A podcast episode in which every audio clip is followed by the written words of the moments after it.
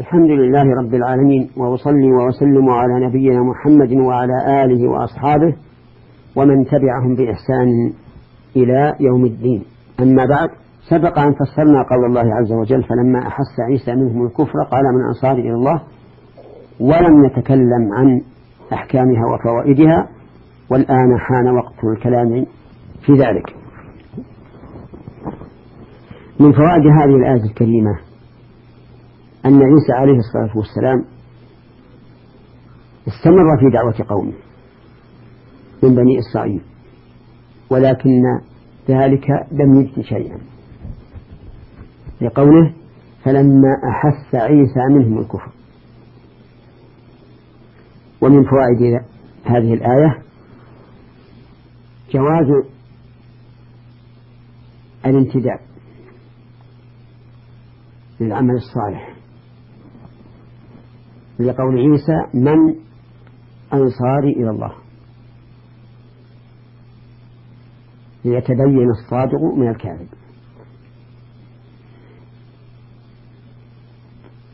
ومن فوائد الآية الكريمة أن بني آدم مفتقر بعضهم إلى مساعدة بعض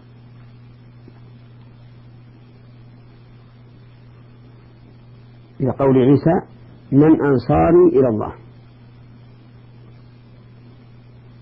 ومنها الإشارة إلى الإخلاص.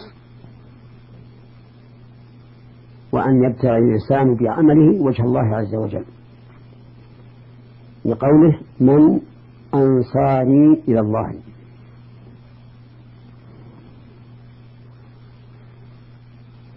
ومن فوائد هذه الآية فضيلة الحواريين حيث انتدبهم حيث انتدبوا إلى ما ندبهم إليه نبيهم عيسى عليه الصلاة والسلام. فقال الحواريون نحن أنصار الله.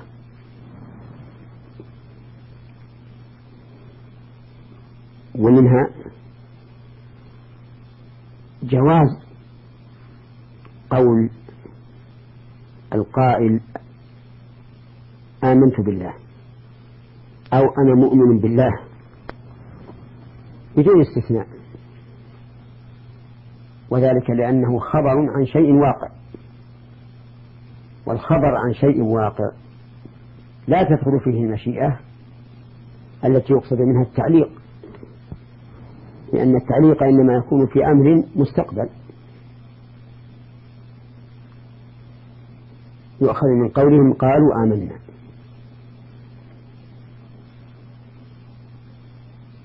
ومن فوائد هذه الآية وأحكامها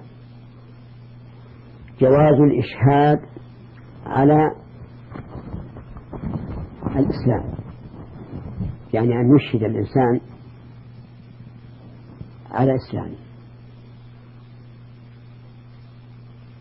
وهذا الإشهاد كالتعهد بالالتزام بما يقتضيه هذا الإسلام.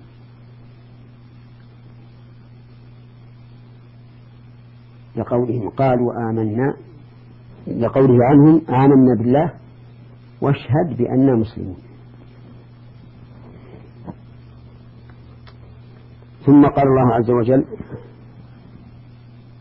ربنا آمنا بما أنزلت. هذا من تمام قول الحواريين.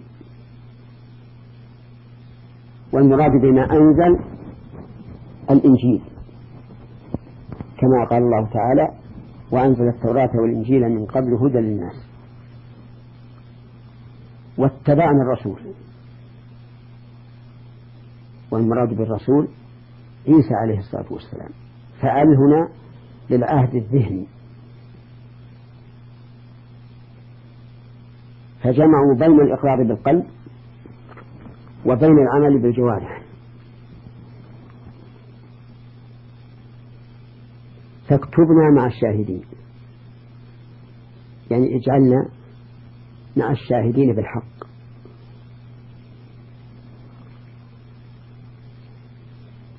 لأن المرء حاله حال من صاحبه. من فوائد هذه الآية وأحكامها فضيلة الحواريين بإعلانهم ما ذكر.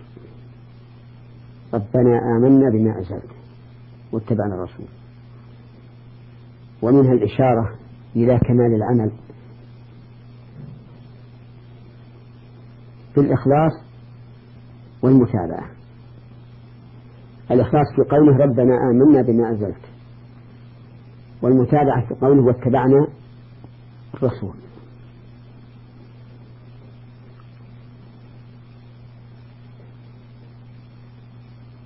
ومنها أن تعين الشخص يكون بالإشارة مثل هذا ويكون بالاسم. مثل محمد. ويكون بالإضافة مثل رسول الله. ويكون بأل الذهنية. مثل قوله واتبعنا الرسول.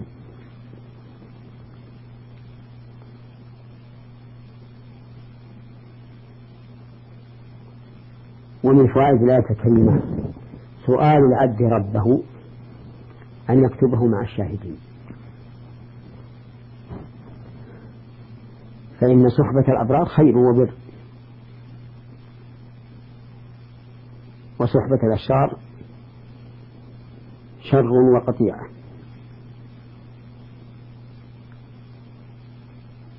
ومنها تسطير الدعاء بال بالرب. يعني التوسل إلى الله تعالى بربوبيته لقولهم ربنا آمنا بما أنزلت واتبعنا الرسول فاكتبنا مع الشاهدين. وفي الحديث الصحيح عن النبي صلى الله عليه وسلم أنه ذكر الرجل يطيل السفر يمد يديه إلى السماء يا رب يا رب. ومطعمه حرام وملبسه حرام يغذ بالحرام فأما يستجاب لذلك. فجعل النبي صلى الله عليه وسلم التوسل إلى الله بربوبيته من أسباب إجابة الدعاء.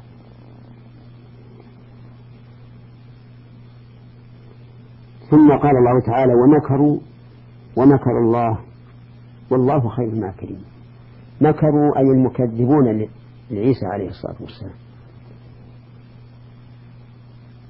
والمكر هو التحيل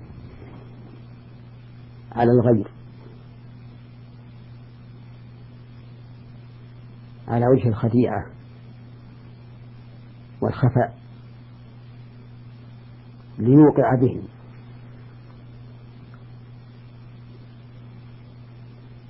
وذلك أن بني إسرائيل المكذبين لعيسى هموا بقتله فأتوا عليه في مكانه ليقتلوه. على وجه السرد فألقى الله تبارك وتعالى شبهه على واحد منهم فقتلوه وصلبوه. وقالوا قتلنا عيسى وصلبناه. قال الله تعالى وما قتلوه وما صلبوه لكن شبه لهم. فصار مكرهم عائدا إليهم. حيث قتل رجل منهم ولعله زعيمهم. قال الله تعالى ومكر الله أي مكر الله بهم وخدعهم والله خير الماكرين أي أشدهم مكرا. والمكر بالعدو صفة كمال. لأنه يدل على قوة الماكر وتمكنه من الخداع لعدوه. ولهذا جاء في الحديث الحرب خدعة.